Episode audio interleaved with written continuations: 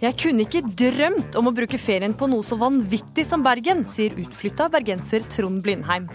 Utrolig at han kan si det med skarring i r-en, svarer byens ordfører. Elendig mat på sykehjem, mener matanmelder. Nesten hver tredje beboer på sykehjem i Oslo er underernært eller i fare for å bli det, ifølge en ny undersøkelse. Og så blir det speed og debatt her i ukeslutt. Bare bruk øynene dine og vær litt realistisk. Det er ikke alle som kan gå med speedo. Du hører på Ukeslutt i NRK P1 og P2. Jeg heter Gry Veiby. Den neste timen skal du også få høre hvem som er smartest av fotballgutter og fotballjenter i vår uhøytidelige quiz. Eh, spørsmål to er kategorien politikk, og spørsmålet er hva heter partilederen til Senterpartiet? Dette vet. Vi. Dette vet vi. Skal vi ha med Sondre Borch som leder? Men først et nyhetssammendrag ved Tonje Grimstad. I Egypt stiger dødstallene raskt etter demonstrasjoner i natt. I Kairo er situasjonen kaotisk, og Midtøsten-korrespondent Sigurd Falkenberg Mikkelsen, du er på et likhus i en del av Kairo hvor tilhengere av det muslimske brorskapet hevder de ble angrepet og skutt på av sikkerhetsstyrkene. Og hvordan er situasjonen der du er? Her er uh, den situasjonen hvor det bæres ut uh, lik uh, etter lik. Siden jeg kom, så har jeg sett i hvert fall 12 eller 13 eh, døde mennesker, eh, inkludert eh, det jeg blir fortalt er en 15-årig gutt. Nå går det en ny båre forbi meg her. Det er et rester etter det som har vært et mareritt her i natt. Det er blod overalt. Og plasthansker, blodige klær. Eh, legene har forsøkt å redde liv. Vi er på et eh, feltsykehus svært, eh, svært, som er svært sparsomt utrustet. Og jeg blir fortalt av en lege her at bare her så har de hatt 37 døde mennesker. Men det er også flere andre steder som har tatt imot skadde og sårede. Så dødstallene er antagelig høyere enn det. Takk skal du ha, Midtøsten-korrespondent Sigurd Folkenberg Mikkelsen. 47-åringen som er siktet for å ha drept en mann i Kvinnherad, vil påberope seg nødverge. Det sier forsvareren hennes, Odd Arild Helland. Kvinnen har erklært seg ikke skyldig, men samtykket til fengsling i Bergen tingrett i dag. Begge de siktede kvinnene er varetektsfengslet for fire uker. Og en bystyrepolitiker for Høyre innrømmer overfor VG å ha stjålet nakenbilder av tenåringsjenter og publisert dem på pornosider på nettet. Intime bilder er bl.a. stjålet fra e-poster en 18 år gammel jente sendte til sin kjæreste. Nå fortsetter ukeslutt. Denne uka ble det kjent at nesten hver tredje beboer ved kommunale sykehjem i Oslo er underernært eller står i fare for å bli det. Og det er ingen grunn til å tro at det er bedre i resten av landet, mener forsker. Men hvordan er kvaliteten på maten som blir servert? Ukeslutt tok med seg matanmelder til Abildsø sykehjem i Oslo. Jeg drikker surmelk. Det går med, bedre med sugerør. Fredrik har to brødskiver med syltetøy på middagstallerkenen. De andre beboerne rundt bordet på Abildsø sykehjem spiser varm mat. Det blir stort sett brød hele dagen, og det går bra, det. Det er sykdommen parkinson som gjør det vanskelig for Fredrik å få i seg middag. Det er den skjelvinga og ristinga. Jeg har ikke styring på bestikket. Så jeg får ikke i meg maten på den måten. Er det noe du tenker man kunne gjort for at du kunne spist eh, middag? Ikke noe annet enn at du måtte mate meg, og det vil jeg helst slippe, da. Da føler jeg som en spedbarn igjen. Jeg har følelsen at jeg kan greie litt selv. Selv om Fredrik spiser mest brødskiver, er han ikke underernært. Men en undersøkelse fra 2010 som nylig ble offentliggjort, viser at nesten én av tre som bor på kommunale sykehjem, er eller står i fare for å bli underernært. En av årsakene er for lang tid mellom måltidene. Per Ole Iversen er professor i klinisk ernæring ved Universitetet i Oslo, overlege ved Rikshospitalet og veileder for undersøkelsen. Hvis vi antar at uh, antall underernærte beboere på sykehjem i Norge kanskje ligger et sted mellom 10 og 15 000, så syns jeg det er uh, grunn til bekymring. Ikke bare det tallet betraktet alene, men, men også den lidelsen det forårsaker. Byrådssekretær for KrF Julian Farner Kalvær sier det er blitt gjort mye for å forhindre underernæring siden undersøkelsen ble utført. Vi tror at situasjonen er bedre i dag enn det den var da. Det vi har gjort er at vi har eh, bedret matkvaliteten. Vi har økt antall måltider, og vi har jobbet med å øke kunnskapen om ernæring på sykehjemmene våre. Potetene ligger i vakuumpakke i plast som da er varmet opp. Og så du varma litt for mye, for du ser at de har blitt litt brune i, i kantene. Og så er det grønnsaker som også kommer i plastposer eh, fra et storkjøkken. Jeg tok med meg Anders Tangen, som anmelder mat på bloggen Matmannen og for TripAdvisor, for å se på nettopp matkvaliteten. Snart skal vi få vite resultatet av anmeldelsen. Jeg tror jo noe av problemet med mat på steder som dette er at det er veldig basert på stor storhusholdning og industrialisert mat. Lukt er jo den mest sensoriske sansen vi har. altså Det som gjør at det vekker minner. Så jeg syns det er trist at det ikke er mer matlukt på sykehjem og institusjoner. For jeg tror at det kan vekke lysten til måltider. da. Så skal jeg prøve å smake på den her eh, pølsa, som da skal være laks. Og som du ser at Når jeg setter kniven nedi den, så går jo ikke kniven gjennom. Det er eh, ganske, ganske tørt, ja skal være laks. Det skal være laks, ja. Tangen sitter ved bordet med de andre beboerne på Abildsø sykehjem. Og så er det en hollandesaus, som jo er en sånn egg og uh, sitron Altså egg og syre mye. Og det er liksom bare et slags fettstoff som ligger rundt, rundt pølsa. Og poteten er um, ferdigkokt for god tid på forhånd. Ved siden av oss sitter Helga Løken Flan, som bor på sykehjemmet. Er det noe mat som du eh, tenker at du har lyst på denne uken? Raspeball. Raspeballet blir kanskje litt, å sikte litt høyt, men eh, til lunsj så har vi litt mer bemanning og bedre muligheter for å bestille opp varer og lage egentlig akkurat det vi har lyst på. Sier sykepleier Maria Løken. Selv om beboerne på Abildsø sykehjem får mat når de vil og veies jevnlig, er det ikke alltid lett å få dem til å spise nok, forteller pleieassistent Bjørg Storheim. På en måte tenker jeg at det er litt naturlig. Når man har kommet i siste fase av livet og man har kanskje mye sykdommer og ja, mange ting som påvirker appetitten. Og selv om vi prøver å lage til og gi dem ting de ønsker og sånn, så er det ikke alltid at det er nok.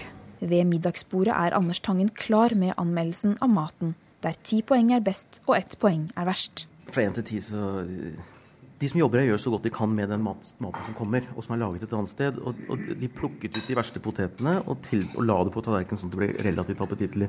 Så vi skal få ett et poeng for det. Ett og et halvt for fyllet i den. Det var faktisk ganske godt. fyllet i den lakserulladen. Mm. Hva syns du om maten, da? Jo, det. Jeg glir ned. Syns det var godt, det. Institusjonssjef ved Abildsø sykehjem, Turid Mod, svarer dette på Tangens kritikk av maten. Ja, nå har jeg blitt orientert om at matanmelderen slakta middagen. Eh, og ga den én av ti mulige. Eh, og jeg tenker at det er trist. Eh, samtidig så er det sånn at jeg er veldig stolt av personalet på Abildsø. Hva de gjør i forhold til ernæring. Og innafor de rammene vi har. De er opptatt av ernæring i det daglige. De tilbyr ekstra måltider. Eh, de har varierer på hva man kaller lunsj. Eh, så er det sånn at vi er avhengig av eh, Vi får middag fra storkjøkken og serverer den. Byrådssekretær Julian Farner Calvær er ikke enig med Tangen i at maten bør lages på sykehjemmet. Vi er opptatt av å ha gode produksjonskjøkken som kan levere de eh, viktigste måltidene, da, særlig da middagen. Um, så den teknikken vi bruker eh, sikrer både god smak uh, og uh, riktig ernæring, som er veldig viktig når man lager mat for så mange. Tangen oppfordrer pårørende til å smake på maten som de eldre får på sykehjemmet. Jeg tenker at det er et misbruk av eldre menneskers takknemlighet å servere så elendig mat. Fordi eh, eldre mennesker, mange her har sulta i barndommen sin, og de er takknemlige for det hele tatt å få mat på bordet. Og det virker som nesten det er en misbruk av menneskers eh, takknemlighet, fordi vi vil være takknemlige for hva som helst. Men dette her er ikke noe du serverer i 2013. Så jeg vil egentlig at alle pårørende skal smake maten eh, som de eldre får, og så, og så, må de protestere og si at dette, dette holder ikke, for det gjør det ikke. Det er, det er ingen grunn til å spise her hvis du ikke må, og de som er her, de må. Og reporter i denne saken var Jelena Kabo. Torsdag kveld slo Norge danskene i semifinalen i EM. Dette er eh, seanser for eh, tårer, for glede, for syndebukker, for helter. Folk har reist seg på tribunene. Det første straffesparket skal tas. Løper mot ballen og skyter, og keeper redder! Hjelmseth åpner med redning! Ingrid Hjelmseth tar den første. Hun stiller seg midt i mål hopper opp og ned Hjelmseth. Løper mot ballen. Og Hjelmseth tar den også! Hun er i ferd med å bli helt for all evighet! Trine Rønning, veteran, gjør seg klar på 11 meter og skyter. ja og Norge er i finalen! Norge er i finalen! Norge er klar for Friends Arena! Ja, nå er det bare finalekampen igjen. Og den lidenskapelige kommentatorstemmen vi hørte her, tilhører deg, Olav Tråen. Du er fotballkommentator i NRK og har kommentert damefotball i 15 år. Og her kommer et typisk sportsspørsmål. Hva følte du da Norge gikk videre på torsdag? Du, Det var en maratonsending, og jeg var så sliten at jeg tenkte at hvis dette varer lenger nå, så stryker jeg med, men da gjør jeg det i hvert fall som en lykkelig mann. Og så tenkte jeg at jeg har verdens beste jobb, for det var som et lite eventyr. Ja, Hvordan har dette mesterskapet vært så langt? For det første så har det jo vært en publikumssuksess. Eh, svenskene har fått ros fra alle bauger og kanter for det de har gjort. De har samlet eh, masse mennesker og satt rekorder hele veien. Tenk at det kommer 50 000 tilskuere på en finale. Det er 20 000 mer enn på den mest sette kampen før eh, dette mesterskapet. Og I tillegg så har vi sett at pionerene i internasjonal kvinnefotball fortsatt henger med. Sverige og Danmark kom til semifinalen. Norge og Tyskland kom til finalen og disse lagene har vært med hele veien siden 70-tallet. Lise Klavenes, du er tidligere fotballspiller og ekspertkommentator her i NRK. Og Det er jo ikke altså lenge til finalekampen. og Hva går gjennom hodet på en fotballspiller før en så stor finale som i morgen? Nei, det, det, er selvfølgelig individuelle forskjeller, men jeg tror at fotballspillere tenker ganske annerledes enn folk rundt. Jeg tror det blir viktig for folk, og i hvert fall sånn var det for meg, å dempe forventningene. Man blir litt sånn pessimist som fotballspiller og gruer seg litt, rett og slett. Forbereder seg på at det blir tøft og vanskelig, og at man er litt tung i kroppen. Man må, så man prøver å holde feststemningen så lavt som mulig, fordi det er et uh, unnskyld uttrykk, et helvete å spille mot Tyskland for å være mest mulig fit for fight. Så jeg tror i dag er det ganske sånn ja, en sånn stemning der du forbereder deg og litt sånn low eh, før, før, en time før kampen der man begynner å teppe seg opp. Så må man rett og slett bare eh, få ned forventningene? Ja, altså Ikke forventninger, men det, det, jeg tror det er viktig å realitetsorientere seg sjøl. For ellers er to ganger 45 minutter det er evig lenge hvis du går utpå med feil spenningsnivå. Mm. Og særlig mot et ballbesittende lag som Tyskland, som kommer til å ha ball veldig mye.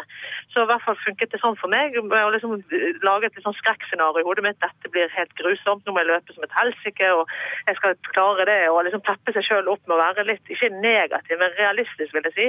Og det tror jeg er en teknikk mange bruker. Mm. Olav Tråen, du er kjent for din entusiastiske måte å kommentere på. Hør bare her. Og der kommer vi! Nå skal det skåring! Ja! Dagny Melgren! Norge! Norge, mitt Norge! Norge skårer! Å, det er så deilig! Og nå har vi klart det! Vi har klart det! Vi har vunnet OL-gull! Ja, dette var fra OL-finalen i 2000, da Norge slo USA i ekstraomgangene. Og får vi høre noe av det samme dersom Norge vinner i morgen? Jeg planlegger ikke hva jeg skal si, for det vil bli litt feil. Men at jeg kommer til å leve meg inn i det som skjer, det er null problem. Og så er det så moro, Lise, det som har skjedd. Fordi da Norge spilte i Moss mot Russland og gjorde en elendig kamp i forkant av turneringen, tapte for et ganske middelmådig lag, så tenkte jeg at dette går aldeles galt. Men så har du ikke gjort det. Nei, det er det. Det er jo det folk eh, må Folk bør vite at det er jo ingen som hadde tro på at Norge skulle komme til finalen. I hvert fall ikke av de som har fulgt med. Og det er ganske sensasjonelt at de har klart det. De hadde ikke vunnet de siste åtte kampene før EM. Og personlig hadde jeg planlagt veldig mye annet etter gruppespillet, for å si det sånn. At jeg fortsatt er i Sverige, det var ikke med i beregningen. Og En annen ting Lise, er jo at uh, i løpet av alle disse årene, i hvert fall jeg har fulgt det, så er det en rivende utvikling. Jeg mener, For noen år tilbake så var det jo en selvfølge, et pliktløp med disse kvalifiseringene. Husker Norge i et uh, mesterskap i en kvalifisering slo England 8-0, ledet 5-0 til pause. Og det var ganske uinteressant hvordan det hele var. Nå er det jo spennende å se om hele tatt Norge kommer til et mesterskap. De tapte jo både mot Island og mot Nord-Irland på veien til EM, så det er en helt annen konkurranse, og dermed så blir det ekstra moro når det går bra. Og dette er et spørsmål til begge, egentlig. Hvordan skal kvinnefotballen klare å holde på oppmerksomheten da, som de har fått nå etter, etter denne, dette mesterskapet? Nei, hvis jeg får svare på det først, så, så, tenker jeg at det er viktig for spillerne å ikke se på seg selv som eh, korsfarere for kvinnefotballen, men at de fortsetter å bare trene og levere som man alltid har gjort. Eh, og, og, og, for det viktigste er resultatene. Men for folk rundt, altså jeg tenker det aller viktigste for å holde på oppmerksomheten, det vil si bygge opp oppmerksomheten og få, få opp eh, bedret holdninger, vil jeg si, det ligger hos forbundet forbund og, og, i media. Mm. Eh, for folk flest får du liksom ikke gjort så mye med. De henger seg på, og de følger entusiasmen. Folk er medgangssupportere, folk liker glede, og folk liker det som går bra. Så, men, men, man er nødt til å erkjenne at det er, hold, altså det er holdningsproblemer i enkelte steder. Det har vært veldig mye motbør, og det må bare vekk. Eh, og så må jentene bare fokusere på å levere. Det er det eneste som vil funke over tid. Skal du også få svare på det kort? Ja, eh, jeg er jo som alltid enig med Lise Klaveness, tør jo ikke annet. men, men, jeg vil også legge til at når jeg snakker med eh, fotballinteresserte folk, for for meg så er dette fotball uansett kjønn, mm. men så er det flere og flere som sier jøss, det er mange gode kamper, nivået blir bedre og bedre, og la oss håpe at enda flere tenker slik i fremtiden, og at Norge henger med, for det er ingen selvfølge. Og det blir altså en spennende kamp i morgen når Norge møter storfavoritten Tyskland. Og det kan du få med deg her i NRK P1 eller på NRK1. Takk for at dere var med i Ukeslutt, Olav Tråen og Lise Klavenes. Og fra damefotball til en av verdens største fotballturneringer. For i dag starter nemlig Norway Cup med alt det innebærer av sol, sjekking, skrubbsår og svette. Og reporter Kristine Andam, du er på Ekebergsletta, der alt skjer. Hvordan er stemninga? Du, Her er stemningen veldig veldig bra. Det er litt overskyet, men det er kjempegodt og varmt.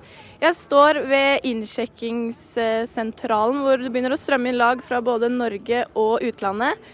Eh, jeg har fått med meg tre jenter her som har reist helt fra Tysvær utenfor eh, Haugesund. Gleder dere dere? Ja! De er Norway Cup-debutanter i år. Hva er det dere gleder dere mest til? Å spille fotball og ha det kjempegøy. Og eh, gå på Tusenfryd og være med venner og ha det gøy. Hva med, med Har dere tenkt å vinne i år, eller? Selvfølgelig. ja, vi håper vel på det. Har, hvorfor har dere ikke vært med før, da? vi har ikke vært gamle nok. Det er første året vårt, så vi kommer her for å vinne og, og ha det kjempegøy med laget. Blir det noe sjekking av gutter, eller? Det blir vel det, da. Dere har øvd inn et lite heiarop, kan vi få høre på det? Ja. Åh, Sørgammel! Ja, som du hører her, Frode Skyvåg. Jeg står med, sammen med generalsekretæren av Norway Cup. Disse jentene gleder seg veldig. Hvordan er det med deg? Jeg gleder meg antageligvis like mye, og har gjort det i alle år. og Det er ikke noe endring i det. Og jeg har antageligvis akkurat den samme sitringa i kroppen som disse jentene har, når vi nå nærmer oss starten med stormskritt. Hvordan føler du deg nå? Er du nervøs? Nei, jeg er ikke det. Jeg føler meg veldig trygg på at vi har gjort alt vi skal til dette tidspunktet. Og når du får lov til å være med og ta del i et arrangement hvor 1200 funksjonærer fra Bekkelaget Sportsklubb legger ned 60 000 dugnadstimer, da veit du at det meste kommer på plass. Hvordan blir uka for deg, Frode? Nei, Hvis det blir regn, så preges jo både jeg og staben ut fra det. Da blir det mye ekstraarbeid og kanskje til og med noen endringer. Hvis så ikke er tilfellet, da blir det en eneste lang sjarmøretappe. For vi føler oss så trygge på at det er sånn som det skal være. Men vi er litt usikre på været i forhold til spesielt søndagen. Får du sett noen kamper? Ja da, hvis jeg ikke blir sittende inne med endringer på pulje kampoppsett og alt det som da i tilfelle måtte høre med, så er jeg ute i området så mye jeg kan. Og det er klart, da er nettopp det inntrykket av å være til stede mens kampene spilles, det er det du suger inn og som du lever på et helt år. Her eh, gleder både Frode Kyvåg og jentene seg veldig. Det starter i kveld klokken seks med en stor konsert med Isaac Elliot som eh, hovedtrekkplaster. Og jentene her er allerede hylende og klare for det. Ja, Det høres ut som det er god stemning, og vi får bare håpe på godt vær. Du får kose deg videre på Norway Cup, Kristine Amdam. Erna Solberg har tjuvstarta valgkampen. I dag starter Høyre-lederen sin valgkampturné, og første stopp er Gladmatfestivalen i Stavanger. Men reporter her i NRK, Ellen Sporstøl, du er med oss fra Stavanger. Hovedoppslaget til VG i dag er om en bystyrerepresentant for Høyre som har stjålet nakenbilder av jenter på nettet, og siden har publisert det på pornonettsider. Og til VG Nett sier Erna Solberg at han bør trekke seg. Hva mer sier hun? Ja, Erna Solberg, eh, du sier altså til VG i dag at eh, denne politikeren, denne Høyre-politikeren som har stjålet nakenbilder, faktisk bør trekke seg. Eh, hvorfor mener du det? For det første mener jeg at dette er en veldig beklagelig sak. En, jeg skjønner hvor integritets... Altså, ut, eh, vanskelig dette er for disse jentene som opplever å se nakenbilder av seg som har vært helt private ute på andre steder. Det er ulovlig, det er ting som ikke bør forekomme. Og det er klart at eh, det er ikke i tråd med å være tillitsvalgt for Høyre uh, å gjøre den typen saker. Og Derfor ville det vært uh, det beste tror jeg, for alle parter hvis han hadde trukket seg fra partiet. Men Vet dere hvem denne mannen er? Nei, vi vet ikke hvem det er. Og vi har jo ikke hørt om denne saken før vi leste VG Helg i, løp, uh, i morges, vi heller. så vi har jo ikke noe annet vi kan si enn at vi ber, ber hvis de ønsker hjelp for oss, så ber vi de ta kontakt, de ulike berørte partene. Eh, det er jo eh, første start av valgkampturneen din i dag. Hvordan er det å våkne opp til en sånn sak, når du egentlig skal ut og kuppe alle mediene med de gode nyhetene du har med deg? Nei, Dette er selvfølgelig ikke hyggelig, men det er veldig lite viktig hva det betyr for oss som sådan. Det, det, det verste er for de som er ofre i denne saken. Eh, du skal altså ut på valgkampturné nå og har med deg en del løfter og en del lovnader i bagen. Hva er det du eh, ønsker å få fram på denne turen? På denne turen kommer vi til å konsentrere oss om to ting. Eh, vi konsentrerer oss om eh, vei, kollektivsatsing. Vi kjører E39, vi ser på kollektivutfordringene i byene. Og så skal vi besøke både eldreomsorgsinstitusjoner og tilbud til pasienter som er døende. Det er viktige elementer i det å skape et godt og omsorgsfullt Norge i årene fremover. Du har også tidligere i dag lovt at eh, staten skal finansiere store kollektivpakker til de store byene. og Da blir det kanskje bybane her i Stavanger? Ja, Vi har sagt at 50 eh, av investeringene må staten ta over statsbudsjettet. Eh, vi håper at det betyr at fylkestinget her også tenker på bybane i årene fremover. Vi tror jo at kollektivsatsing i de store byene er nødvendig både for å få opp boligbyggingen, ned boligkostnadene, men også å få flere folk ut av bilkøen og inn i kollektivløsninger. Byene våre tåler ikke med den veksten de har i dag, at alle folk kjører bil. Hvordan føles det nå å komme med slike løfter, nå som du faktisk kan eh, havne i regjering og faktisk kan stå for disse løftene? Eh, bærer det et litt ekstra tungt ansvar med seg? Det gjør jo selvfølgelig at vi alltid tenker igjennom eh, kan du gjennomføre dette. Men dette har vi jobbet lenge med. Vårt kollektivbudskap har vi jobbet lenge med, og vi vet at dette er gjennomførbart. Og vi skal gjøre det sammen med de store byene, ikke i konflikt med dem. Da sier vi takk til det Erna Solberg, som nå altså fortsetter sin valgkampturné eh, via Haugesund til Bergen. Takk til deg, Ellen Sporstøl. Du lytter til Ukeslutt her i NRK P1 og P2, og det må du fortsette med, for snart skal du få høre at stylist mener speedoen har fått et ufortjent dårlig rykte, mens motredaktør ber norske menn la badetrusa ligge hjemme. Og bergensere er storkjefta, skrytete og uhøflig, sier eksilbergenser, som møter ordfører til debatt.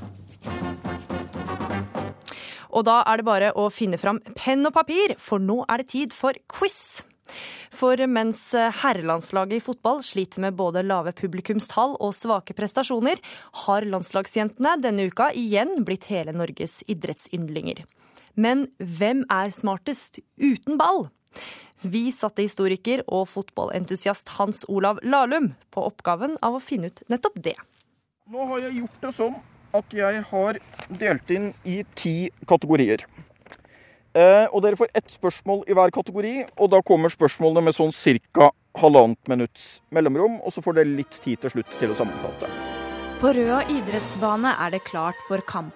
Det grønne kunstgresset glitrer i sommersola, og forholdene er perfekte. Men i dag er det ikke om å gjøre å skåre flest mål. Hans Olav Lahlum utfordrer til en kamp utenom det vanlige. Jeg heter Ada. Jeg heter Andrea. Jeg heter Gunhild. Tre spillere fra toppdivisjonslaget Røa skal møte to spillere fra førstedivisjonslaget Mjøndalen. Jeg heter Kristian. Jeg heter Mats. Kristian og Mats har forberedt seg godt til dagens quizkamp. Ja, jeg er som vanlig forberedt med mentalt. Jeg logger inn i et mørkt rom og hørte på motivasjonsteip eh, fra Olympiatoppen. Eh, så jeg er både mentalt og fysisk eh, klar for quiz. Ja, jeg spiser jo alltid fem timer før kampstart, så jeg sto opp halv fire i dag for å spise mat. Så jeg er egentlig helt klar, jeg. Jentene er på hjemmebane, og de er ganske sikre på hjemmeseier. Hvis sola skinner, så er det sånn at røda vinner. så jeg tror at vi har en stor fordel i det, og jeg håper at vi klarer å forsvare rødas ære og kvinnefotballens ære.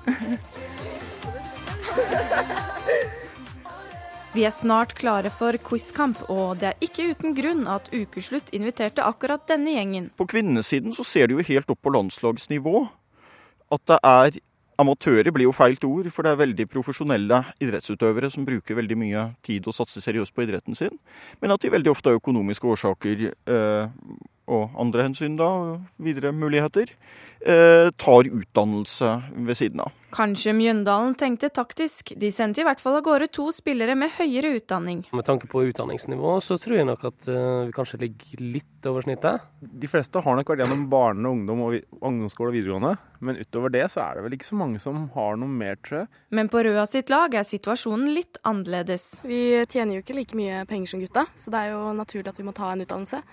Og det er jo også veldig positivt. Eh, da har man noe å falle tilbake på. Gutta har kanskje ikke det. Kan vi egentlig bare trekke inn her, tenker jeg. Kategori 1 er fysikk og kjemi. Og spørsmålet lyder hvilket grunnstoff har atomnummer 1 i det periodiske system? Det er et svakt felt for oss eh, samfunns, eh, samfunnssiden. Spørsmål 2 er kategorien politikk. Og spørsmålet er hva heter partilederen til Senterpartiet? Dette vet vi. Dette vet vi. Skal vi ha med Sondre Borch som leder for Senterpartiet. Kategori tre er livssyn. Og spørsmålet lyder hvilken av verdensreligionene tilhører sufismen og dens tilhengere sufiene? Her kan vi ringe. Livssyn det... De andre har greier. Livssyn er ikke vår Det praktiserer vi ikke. Vi har ikke livssyn, vi. Så da må vi høre med en venn. Hvordan tror du de klarer seg? Ja, jeg tror dette kan eh, bli ganske jevnt, men det virker jo som det er eh, Som sagt, her er det jo eh, folk med utdannelse som åpenbart er interessert i mange andre ting enn fotball på begge lag, så det kan bli jevnt og spennende, dette her. Men vi får se. Ja, Vi får se, for hvem som vinner får du høre seinere i denne sendinga. Og det var Kristine Amdam som hadde laget denne saken. Da skal vi til Bergen.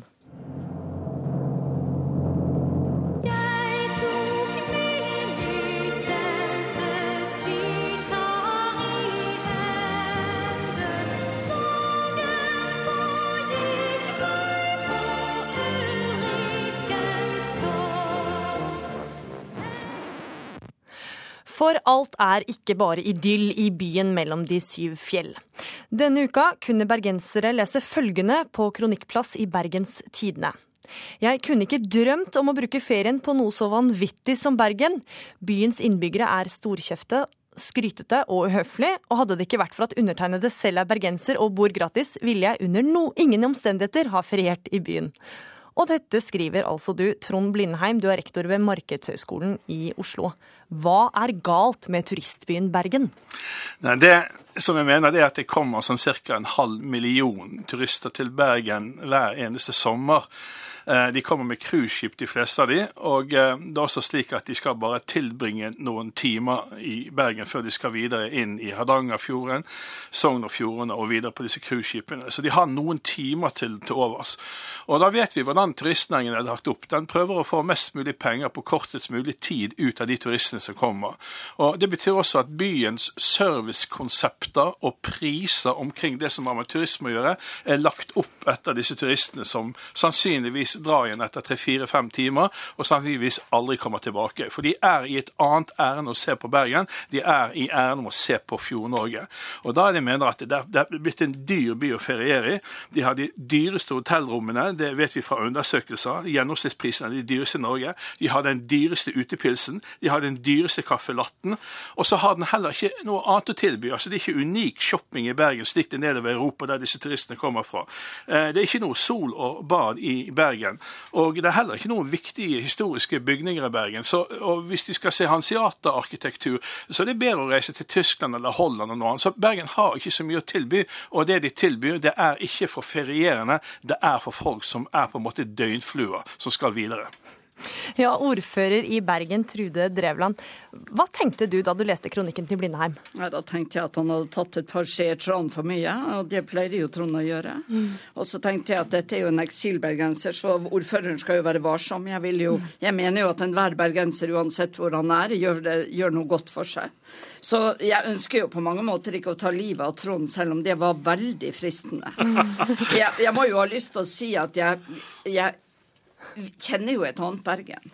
Jeg kjenner jo et Bergen som har en masse kultur og opplevelse. Jeg kjenner jo et Bergen med masse flotte konserter, med eh, bussreiser direkte til Trollhaugen, hvor du kan oppleve Grieg på sitt aller beste.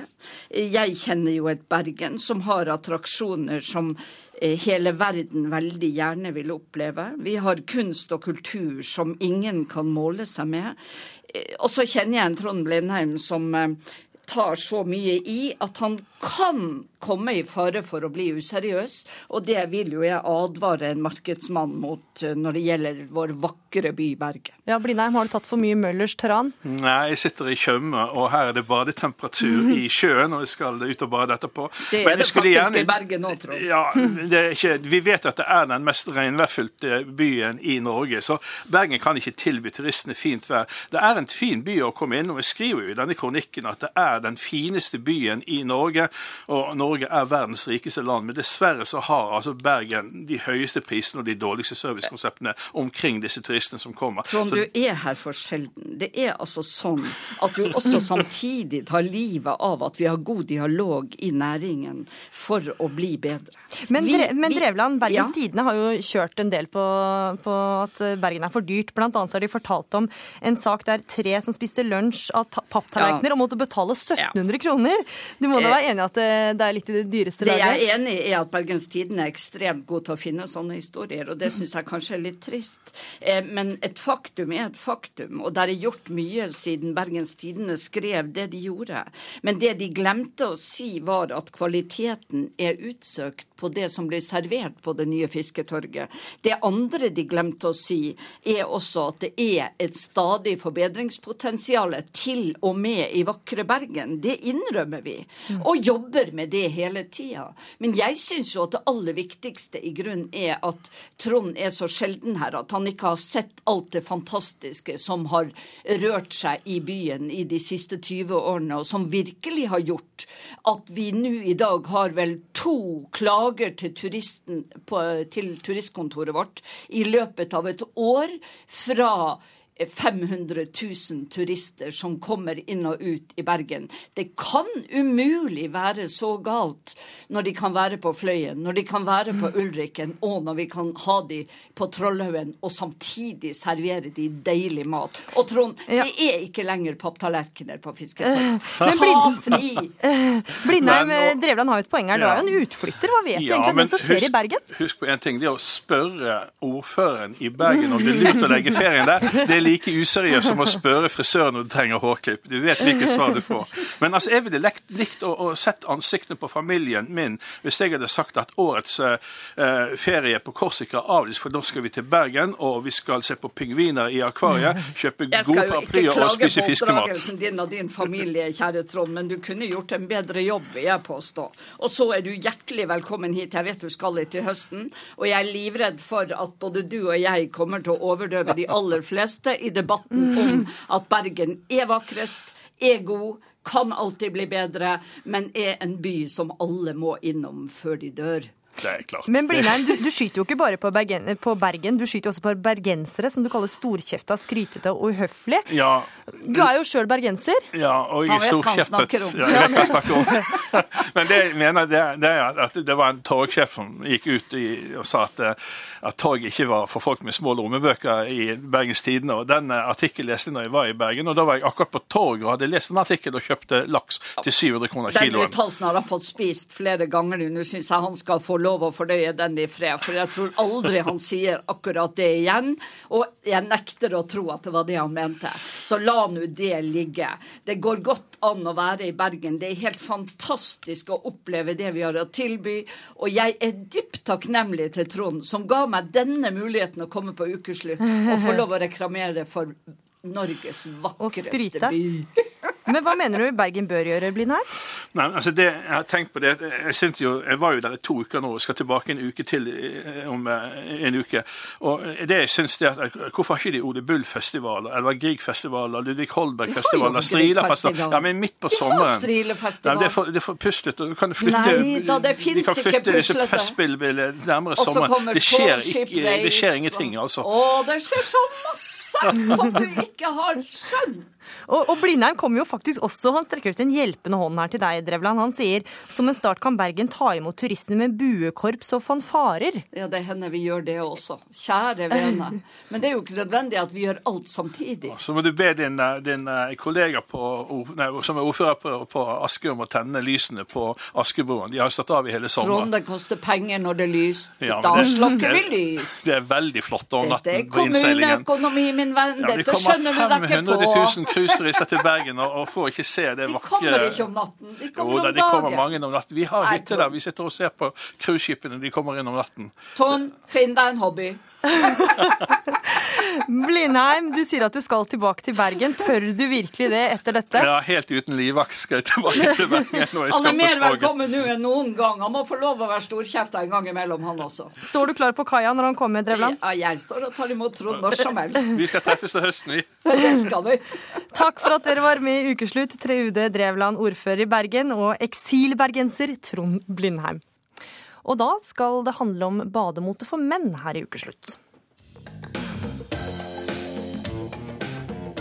Hva syns du om å gå med speedo på stranda? Jeg syns det er litt eh, harry. Eh, Det er ikke akkurat det jeg syns er mest attraktivt. Ja, altså Når pappa gikk rundt i det i Syden, så syns jeg ikke det var så festlig, nei. Men eh, faren din, har han noen gang gått med det her i Norge? Eh, nei, han kjøpte seg den nå, så bare i Syden. Så jeg skal prøve å få han til å ikke gå med den hjem. Det kan gå på helt til unge menn, men eh, etter hvert som man har passert 30, så tenker jeg at man kan kle på seg litt mer. Mm. Du er en av de få her på huk i dag som har på deg speedo. Hva, hvordan føles det? Det er fullt eh, kjempeubehagelig å ha det på, fordi eh, menn føles som champion. Du er ikke redd for at noe skal dette ut, eller at du skal vise litt for mye av kroppen? Nei, nei, nei, det er ikke sånn. Det sitter på plass. Jeg sitter på plass, ja. Det dekte nok. Så det er.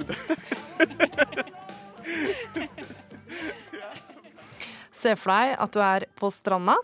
Det er strålende sol, blått hav og barn som spiser is. Så forbi deg kommer en hårete mann iført en speedo. Denne uka kom en undersøkelse som viser at de fleste nordmenn er negative til badetrusa. Men eh, stylist Storm Pedersen, du er en av dem som omfavner disse trange badetrusene for menn. Hvorfor det? Jeg syns at speedo har fått et ufortjent, ufortjent rykte. Vi er veldig vant med å skal mislike produktet, for at det, skal, det er veldig lite norsk å bruke. Man ser det veldig i Italia, man ser det i liksom Brasil, man ser det liksom rundt omkring i verden der folk eh, på en måte viser kroppene sine og er stolte av veltrente, fine kropper. Jeg syns ikke at det er for hvem som helst. Det synes absolutt ikke. Det krever på en måte en viss fysikk for å være denne Så det er visse kriterier altså, for å bære speedoen. Ja. Motredaktør i Mannebladet FHM, Ranveig Bråtveit. Hvorfor anbefaler ikke du dine lesere å smette inn i en speedo nå i sommer? Jeg syns rett og slett ikke det er noe plagg som er noe særlig flatterende for menn. eh, På grunn av fasongen, og da tenker jeg på den klassiske speedoen som går opp i sidene. Den eh, trusefasongen, som du sa, altså. eh, den, det at den går opp i sidene, det gjør at beina virker lenger, og hoftene virker rundere. Eh, ingen av de tingene er så veldig maskuline, syns jeg. Det blir, eh, og proporsjonene blir rett og slett ikke så veldig fine. For det første, den fasongen, eh, at man får lengre bein, det spiller ingen rolle. At den fasongen er litt, det går litt opp på siden, det gjør at man får smalere waistline. Uh, jeg synes at Man må også skille litt her, for at Speedo er bare et produkt, det er bare et merke. Mm. Men uh, hvis man tenker på Brief, som det, liksom på en måte ligner på Speedoen, så finnes det veldig mange fine fasonger som også er på en måte trange. Og jeg synes Vi er veldig vant med at vi skal ikke vise oss fram, vi skal ikke være sexy, vi skal liksom på en måte skjule oss mest mulig. Én ting på en måte vise utstyret sitt, og liksom på en måte at det kan bli litt sånn in your face, men det er liksom ikke kult å gå med en søppelsekk heller på stranda. Nei, absolutt ikke. Og jeg syns eh, godt man kan vise mer enn den klassiske surfeshortsen. eh, Og gjerne bruke en kortere variant av shorts.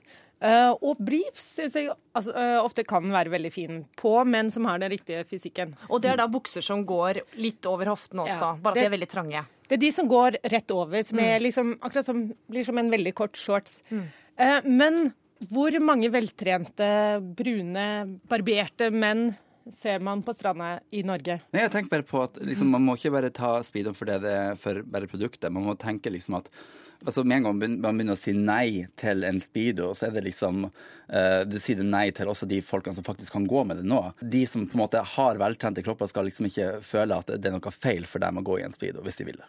Hva med de som ikke har veltrente kropper, da? De kan være godt styrt unna. Der er dere begge skjønt enige. Hva med, hva med graden av intimbarbering? Hvor mye må man barbere seg for å kunne gå med speedo? Bar- Barbering er en egen kunnskap, og særlig i speedoverden så er det veldig, det er veldig eh, Det skal man vite hva man gjør, ja. Man burde kanskje plukke litt ekstra. Men Bråtveit, altså, Speedo er jo et veldig lite plagg, og det minimerer jo skillet fra sola. Så mennene blir jo, veldig, altså, blir jo mye finere etter å ha gått med en eh, Speedo. Ja, det har du jo rett i. Og jeg må si at egentlig har jeg et litt sånn ambivalent forhold til speedoen, fordi at jeg har bodd et år i Brasil, som du jo nevnte, som er et av virkelig altså speedoens hovedstader i Rio de Janeiro. Eh, og der ventet vi ganske mye til speedo, men der var det mer enn brifen. eh, som vi snakka om, den eh, rett over. Eh, men jeg vil jo òg si at denne, denne klassiske trusa, som jo jeg mener er eh, definisjonen på speedo, det det som eh, kommer eh, opp i hodet mitt når jeg tenker på det, det er en mann på 60 som drar den så langt opp i livet som han kan. Ja, men da tenker du på kostymeversjonen av den parodien av speedosen. Og du må bare skille på én ting til, og det er liksom briefs og trunks og speedos. Speedos har både briefs og trunks. Så Pedersen, hva er ditt tips da til menn som sitter nå og lurer på om de skal ta på seg Speedoen?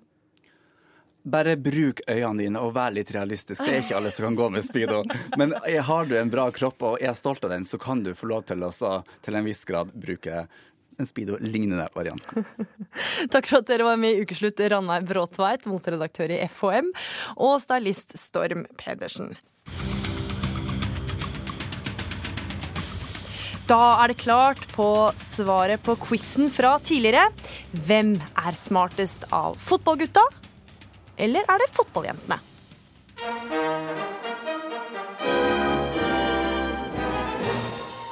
Kan vi sette oss her og gjennomgå svarene?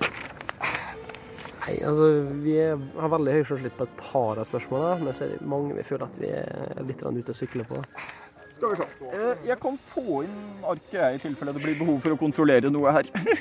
På de første spørsmålene tror jeg vi lå, ligger ganske bra, men nå på de siste så jeg, begynner jeg å bli litt usikker. Tiden er ute. Og etter en gjennomgang av svarene er endelig vinneren klar. Men da ser det jo ut som at det ble seier 8-6 for guttene, da, så vidt jeg kunne se. Hva tenker du om det, Hans Olav? Nei, jeg tenker at det egentlig var ganske greit nivå, og at eh, det var to lag som hadde mye inne begge. Og så er det, var det vel en fortjent seier til guttene her og nå. For de får hver sin krimbok, da. Ja da! Kan vi få den signert, eller? Det kan nok være håp om det. Er dere like glade nå som når dere vinner en fotballkamp? Jeg vil si at vi er enda gladere nå. enn, eh, for at uh, fotball det spiller vi hele tida, mens kunnskapsquiz det får vi såpass sjelden at det er ekstra stort når vi vinner. Og så er vi så opptatt av, vi er opptatt av oppmerksomhet. Og der tror jeg flere som får høre om det her, enn en, de som er på en gjennomsnittlig kamp i Adeccoligaen. Da er det bare å gratulere fotballgutta gutta med en knepen seier. Da skal vi få en værmelding vi her i ukeslutt, og vi har hatt fantastisk vær i hele landet den siste uka. Men eh, hvordan blir det framover, eh, statsmeteorolog Bente Marie Wahl? Ja, det blir litt av hvert. Det begynner å bli litt mer ustabilt i Sør-Norge i hvert fall. Men eh, fortsatt så er det stor skogaranfare østafjells, i hvert fall der det ikke har kommet noe nedbør av betydning. Temperaturutsiktene for morgendagen skjer ikke noen store endringer i Sør-Norge. I Nord-Norge og på Spitsbergen derimot uendret eller litt stigende temperatur. Så starter vi i sør. Østafjells og fjell i Sør-Norge går noen lokale regn- og tordenbyger, men også perioder med sol i dag. Søndag så øker vinden på til sørøstlig kuling i fjellet og på kysten av Agder. Om kvelden liten kuling også på resten av kysten. Og fram formiddagen blir det regnbyger i sør som brer seg nordover. Totalt sett en litt mer skya dag. Og det kan lokalt bli kraftige byger med torden. Så blir det lettere vær i Agder og Telemark igjen i morgen kveld. Vestlandet sør for Stad får også noen regnbyger i dag, selv om det er mye fint vær innimellom. Søndag øker vinden på til østlig liten kuling. Det blir sterk kuling i sør, og utpå ettermiddagen blir den sørlig og øker til sterk kuling eller liten storm også lenger nordover. Og det blir ganske grått med regnbyger og utrygt for torden. Nordover til Møre og Romsdal og Trøndelag. Noen regnbyger i dag. Det er en del torden, men også noe sol. Søndag skiftende bris, nordøst frisk bris på kysten. Starter med oppholdsvær. Om kvelden sørøst frisk bris utsatte steder. Da får vi enkelte regnbyger med lokal torden igjen. Nordland nordøstlig opp i frisk bris pent vær nå, men det er mulighet for noe tåke på kysten av Helgeland. Søndag ettermiddag nordøstlig frisk bris, fortsatt pent vær, men noe lokale regnbyger i indre strøk. Og i Troms er det også pent vær og nordøst frisk bris utsatte steder, men det kan komme noen lokale ettermiddagsbyger i indre strøk, kan hende med torden. Fra i kveld også noen lokale tåkeskyer på kysten igjen. Finnmark eh, mye pent vær også her, men muligheter for ettermiddagsbyger i indre strøk kan hende med torden. Og fra natt til søndag også her tåkeskyer i kystområdene. Og til slutt eh, Nordensjøland på Spitsbergen, som har oppholdsvær, men i morgen blir det spredt regn. Og dette var værmeldingen fra Meteorologisk institutt. Ukeslutt er slutt. Ansvarlig for sendinga var Aksel Wilhelm Due. Det tekniske ansvaret hadde Frode Thorshaug. Og her i studio var Gry Veiby, som takker for følget.